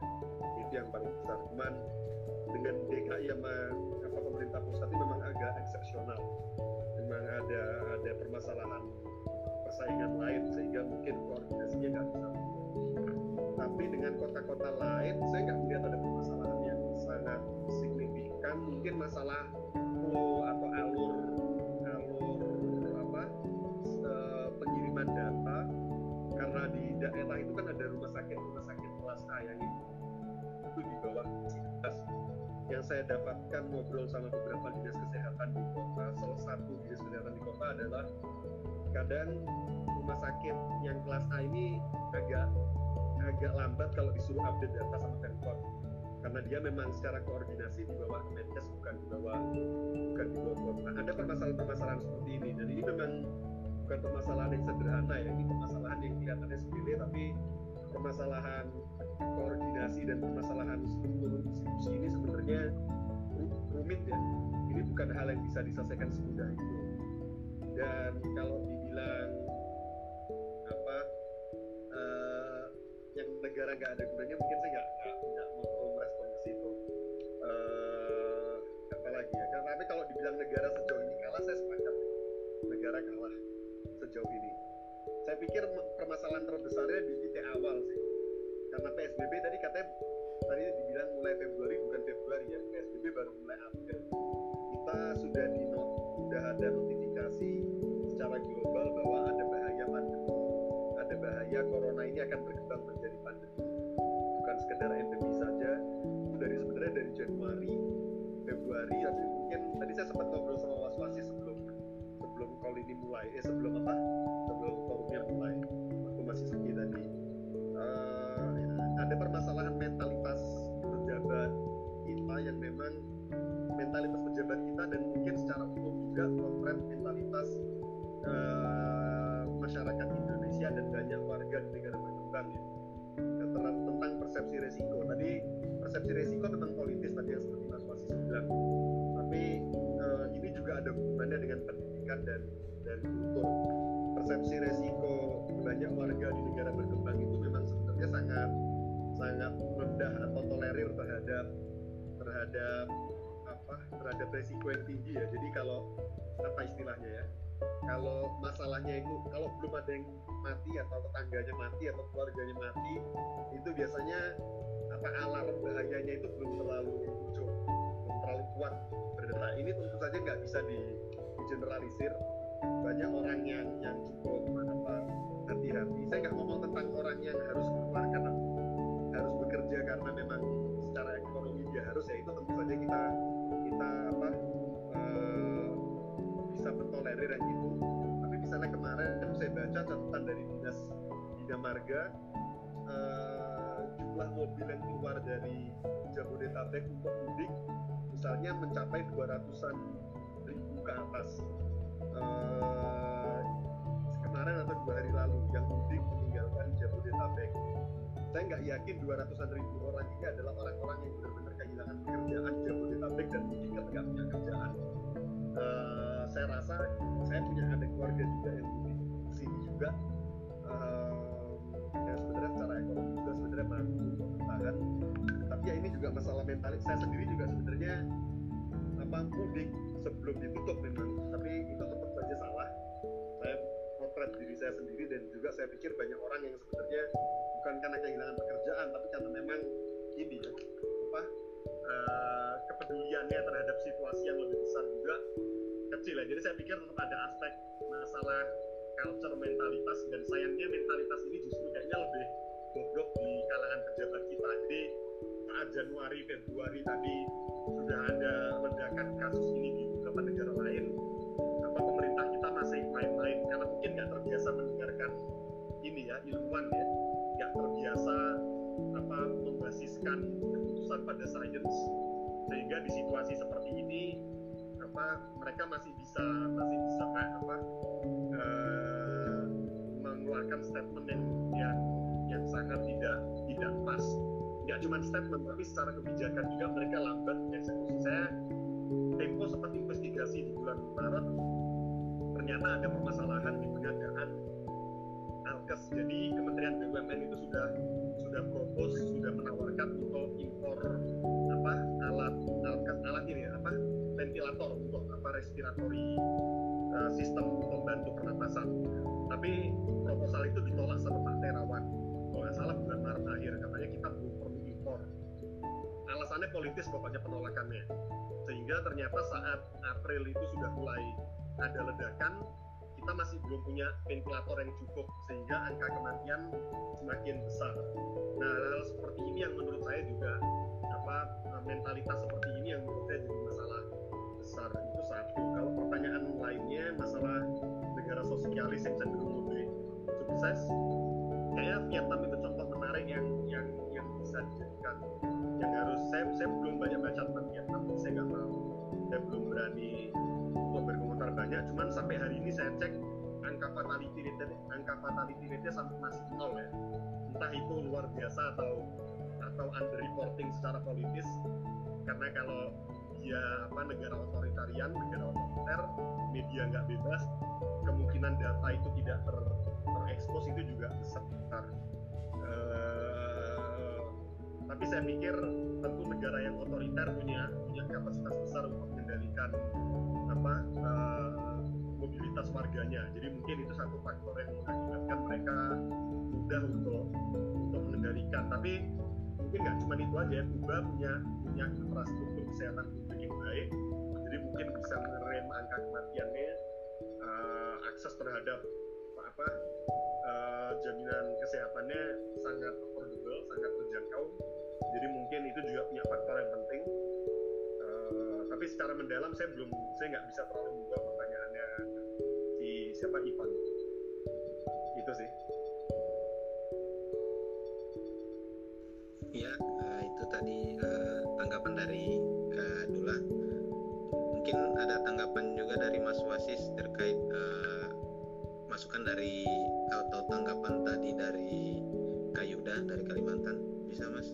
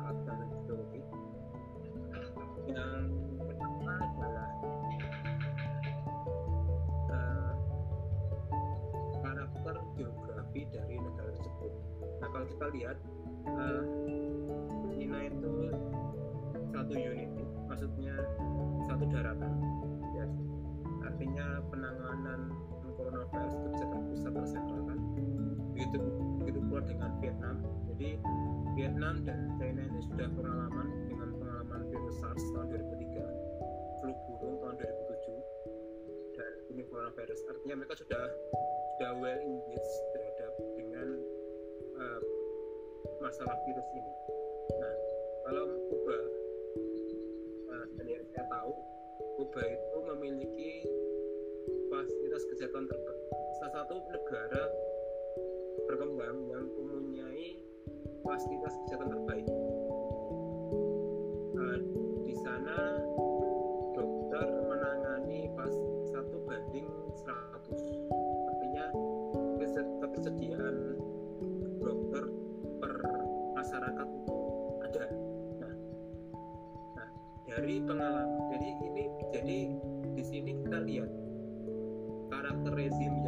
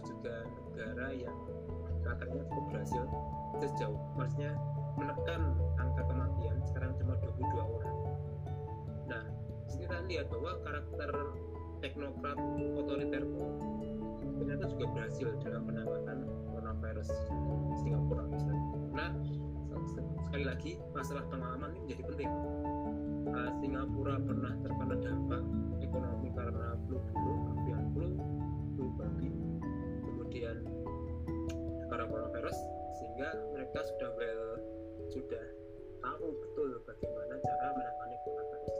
Nah, lalu bagaimana dengan karakter negara Barat? Nah, negara-negara Barat sendiri sebenarnya secara infrastruktur itu aman, kuat, sistem welfare sistemnya jalan cuman yang menjadi masalah adalah karakter dari uh, siapa yang memegang kita lihat di sini uh, pemerintahan yang dikuasai oleh konservatif misalnya Amerika Serikat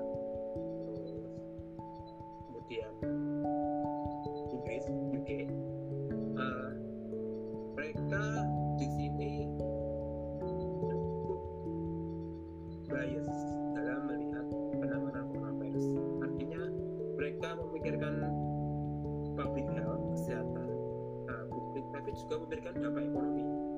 Nah, ini juga berlaku pula di Australia yang juga pemerintahnya dikuasai konservatif. Jadi mereka mempertimbangkan dampak ekonomi sekaligus pula dampak kesehatan karena mereka memikirkan ketersediaan tenaga kerja kan dalam memperoleh ekonomi. Nah, hal menarik itu kalau muncul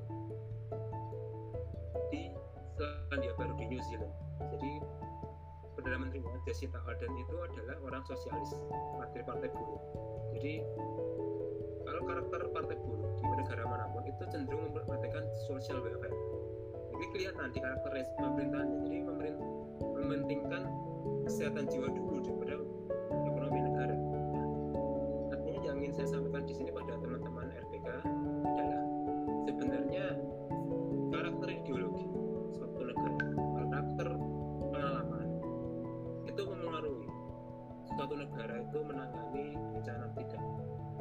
Dan kalau kita tarik ke dekat, tarik lebih ke sektor teknis lagi, ada dua rezim sebenarnya dalam menangani coronavirus.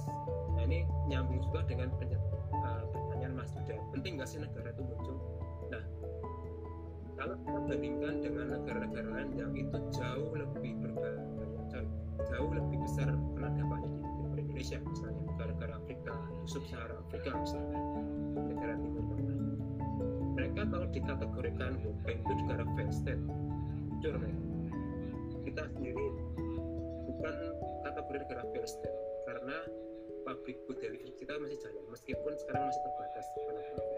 Nah, tapi dari sini yang ingin saya katakan adalah persepsi terhadap suatu bencana itu penting untuk dipahami teman-teman. Jadi uh, kalau kita membaca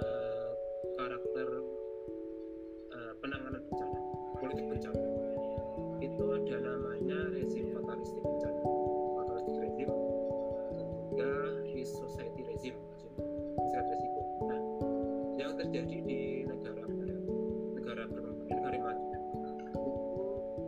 lebih condong ke karakter masyarakat resiko di society. Kenapa demikian? Karena mereka melihat bencana itu tidak hanya sekedar yang sifatnya tradisional security. Yang itu mengarah pada casualties uh, korban jiwa tapi juga berhubungan adanya non traditional non traditional security uh, kesehatan dan sebagainya. Artinya persepsi resiko dijunjung secara universalis universal. Nah sementara kalau di negara berkembang seperti Indonesia itu karakter penanganan rezimnya itu cenderung fatalistik. Jadi hanya melihat persepsi bencana itu di dalam sektor tradisional. Kalau ada bencana itu mesti ada yang kurang meninggal, selesai. Tapi kita tidak menyiapkan adanya non platform security misalnya aspek keamanan, aspek pangan dan sebagainya. Ini yang belum muncul karakter bencana kita. Nah, di sini negara tetap ada, perlu penting. Karena kalau kita tanpa negara kita mau ke mana? Stateless cuman yang membedakan adalah bagaimana satu tadi yang saya bilang di awal karakter rezimnya, karakter ideologinya, karakter politiknya, dan juga karakter persepsi bencana itu mempengaruhi betul bagaimana suatu negara itu melihat suatu uh, penanganan coronavirus ini kita lihat banyak sekali persepsi muncul di pemerintahan negara mana pun. Cuman empat poin tadi itu yang membedakan sukses tidaknya penanganan coronavirus di global.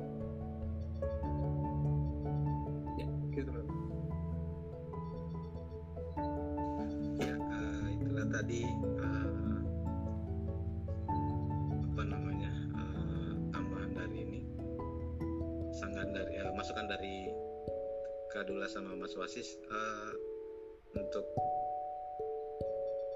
uh, apa namanya untuk sanggahan dari Kayuda tadi uh, semua pertanyaan uh, Muhammad Ivan kayaknya. Tapi ada lagi nih Mas Wasis ada tambahan pertanyaan kayaknya dari dari Prawira Yuda ini. Oh ya, di chat. Jika saya menyimpulkan setiap setiap pemateri bahwa sistem otoritarian lebih berhasil dalam menekan kasus COVID, lantas apakah kita harus kembali ke sistem keotoritarian yang dulu kita kritisi?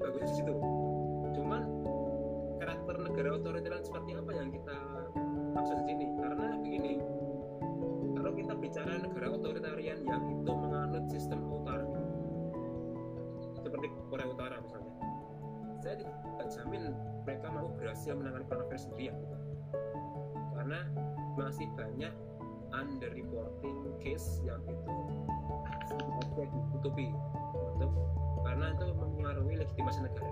Nah, uh, yang ingin saya sampaikan di sini adalah karakter otoritarian lebih bukan ada condong karakter tapi adalah bagaimana kita secara tegas itu mampu mampu mampu menunjukkan bahwa ini bencana ini bukan ini bukan main-main gitu loh mas karakter negaranya tapi bagaimana kita melihat suatu bencana itu betul gitu loh. Karena karena begini saya saya mau berbagi pengalaman aja. Jadi ketika rame-rame coronavirus itu muncul di ranah global Australia itu langsung bersikap xenofobik dengan coronavirus. Maksudnya mereka langsung kemudian merasa ketakutan paranoid dan lain sebagainya. Paranoid itu bukan dibangun berdasarkan negara tapi atas diri mereka sendiri gitu loh. Karena mereka takut kalau misalnya terjadi ke kehidupan mereka itu akan mengubah segalanya gitu. Artinya uh, ada istilah namanya self authority jadi kita membangun dimensi otoritarian kita sendiri jadi kita mempersepsikan ini kalau terjadi pada diri saya maka akan mengubah sebenarnya makanya mereka kemudian kita masih negara demokratis tapi secara persepsi kita otoriter itu. Karena jangan sampai bencana ini mengubah segalanya dan betul gitu. Nah ini yang saya menarik untuk dilihat. Bagaimana uh, ada semacam persepsi-persepsi seperti itu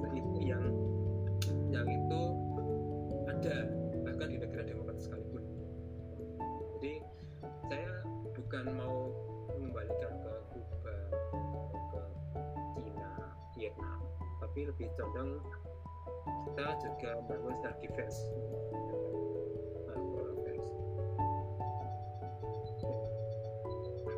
Ya, terima kasih Mas Wasis. Mungkin dari Kadula ada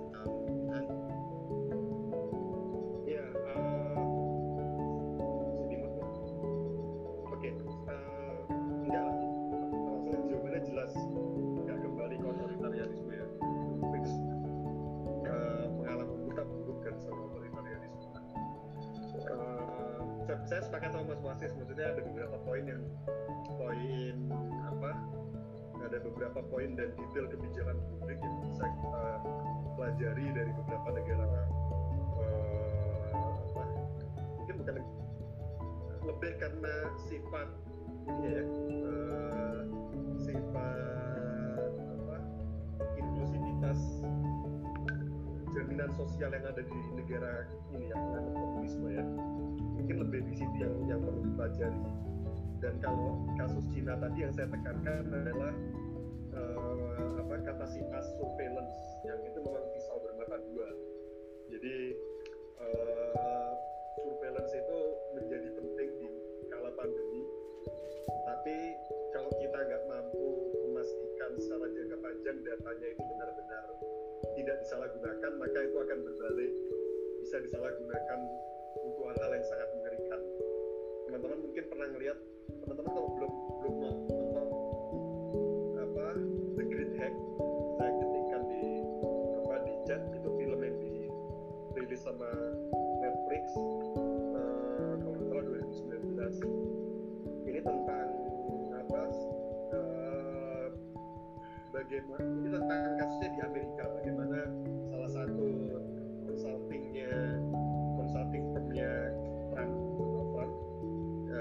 perusahaan data yang dia mengeksploitasi big data ya data data dari Facebook dari macam-macam eh, yang itu di dirubah menjadi eh, kampanye yang dilakukan oleh Trump. Jadi cara Trump menargetkan uh, campaign-nya itu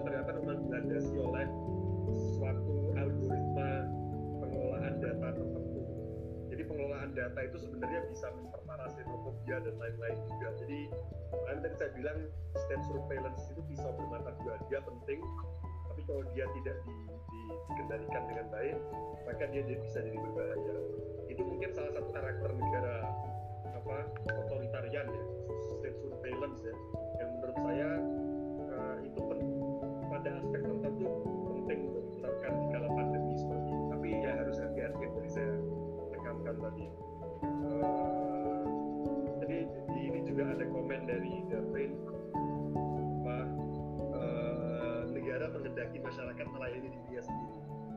ini sebenarnya pada satu sisi iya, tapi nggak sepenuhnya benar juga karena apa negara juga apa membantu apa membagikan eh, jaminan sosial juga apa PKH dan lain-lain ya yang dibagikan ya.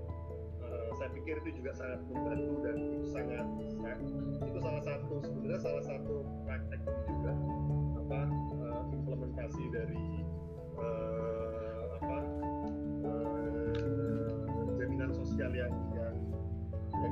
yang memang harusnya ada di negara-negara yang menganut eh, sistem kesejahteraan sosial ya.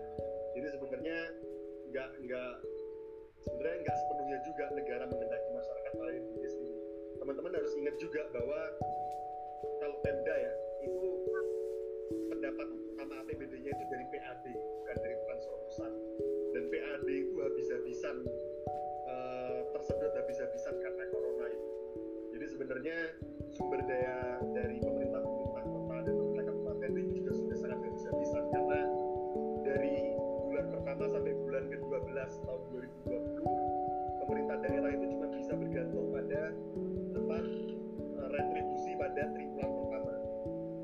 Pada pada retribusi triwulan pertama Januari sampai Maret. Jadi dari bulan April sampai Desember kemungkinan pendapatan negara akan sangat-sangat kecil. Jadi itu itu yang harus di harus diingat juga bahwa sebenarnya bisa-bisa juga negara pemerintah kota ya. Dan itu pun mereka tetap menyalurkan bantuan. Uh, jadi sebenarnya hampir mentok gitu ya. saya ini nggak tahu ini kontrak seluruh kota apa enggak. Dan nggak cuma PAD-nya yang sudah tersedot tapi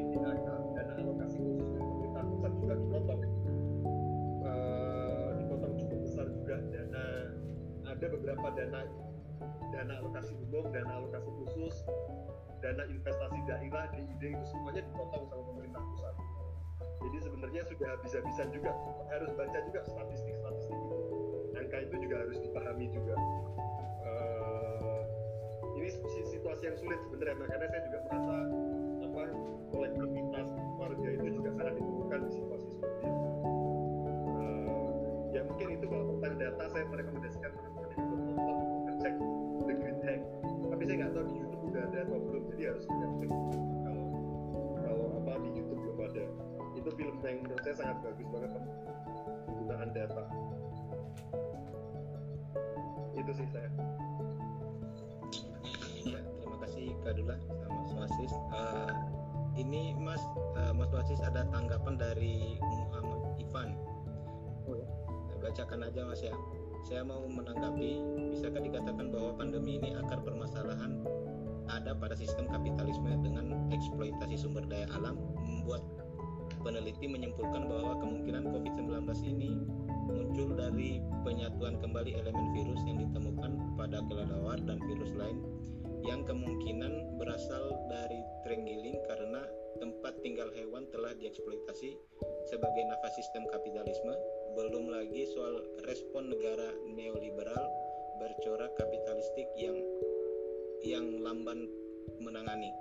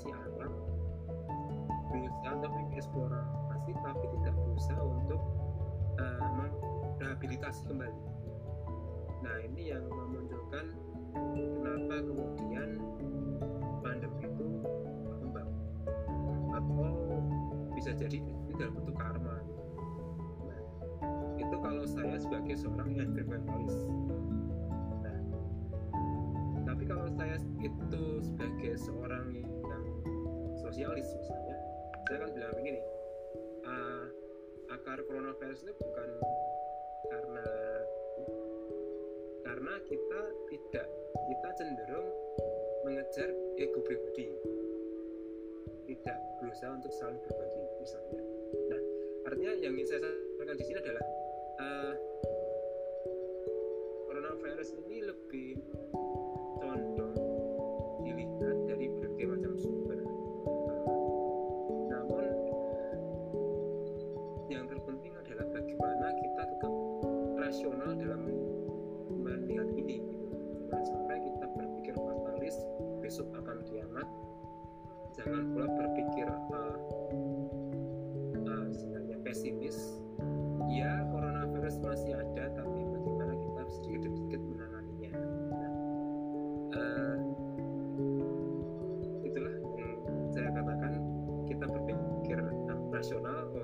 akibat dari kita sendiri dan bagaimana kita membangun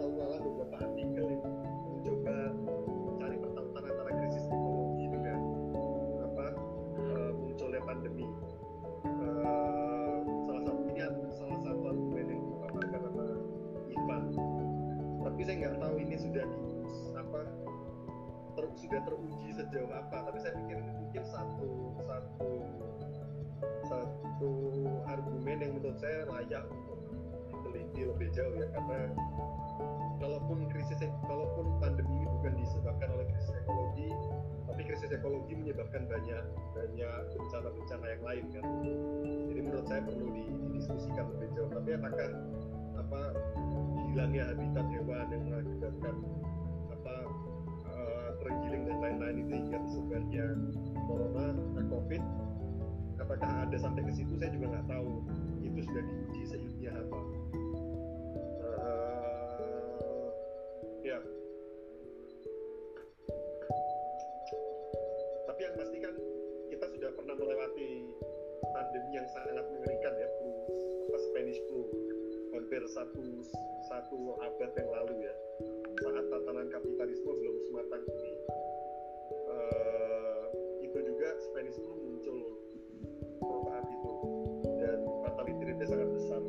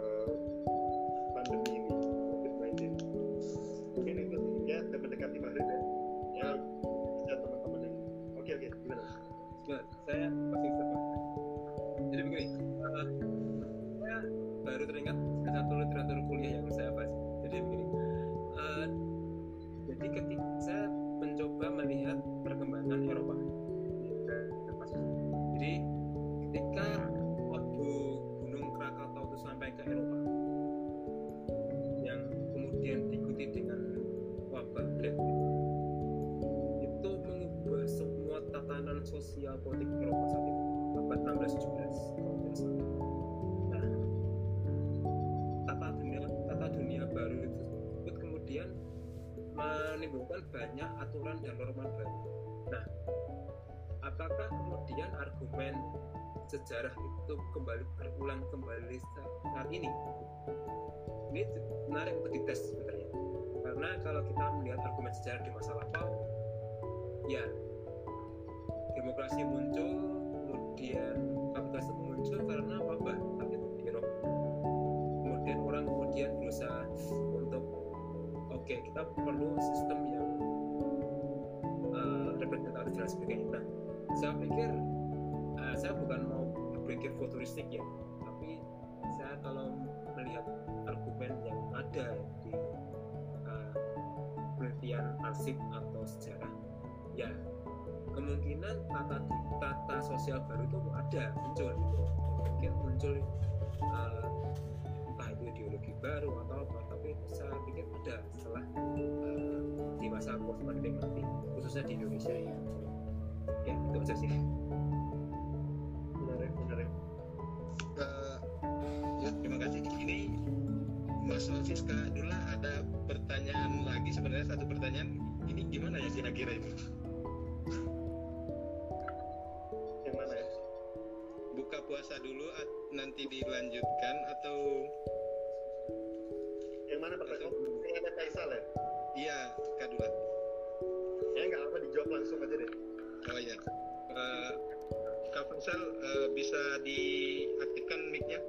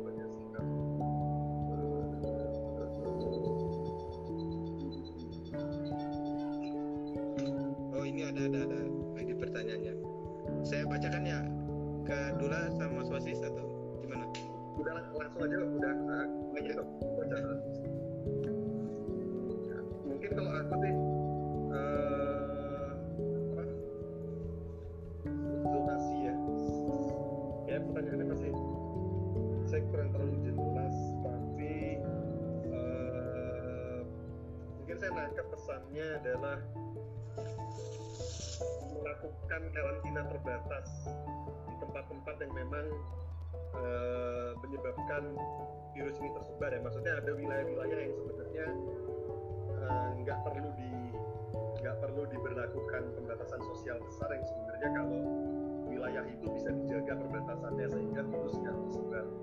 Ya masuk masuk akal. Bisa bisa sepakat aja sih. Banyak wilayah Indonesia di mana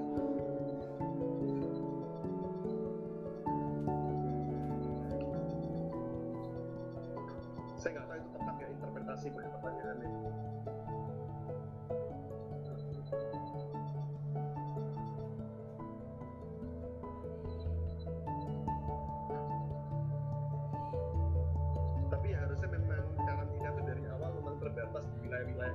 dan metropolitan sih karena di situ sebenarnya pusat mobilitas manusia di situ yang paling tepat menjadi pusat penyebaran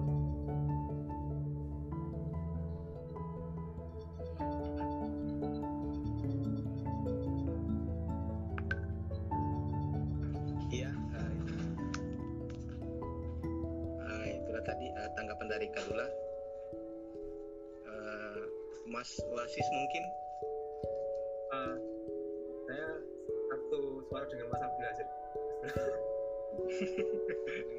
ya karena saya mempertimbangkan teman-teman juga mau buka puasa kan Ya, ya, ya.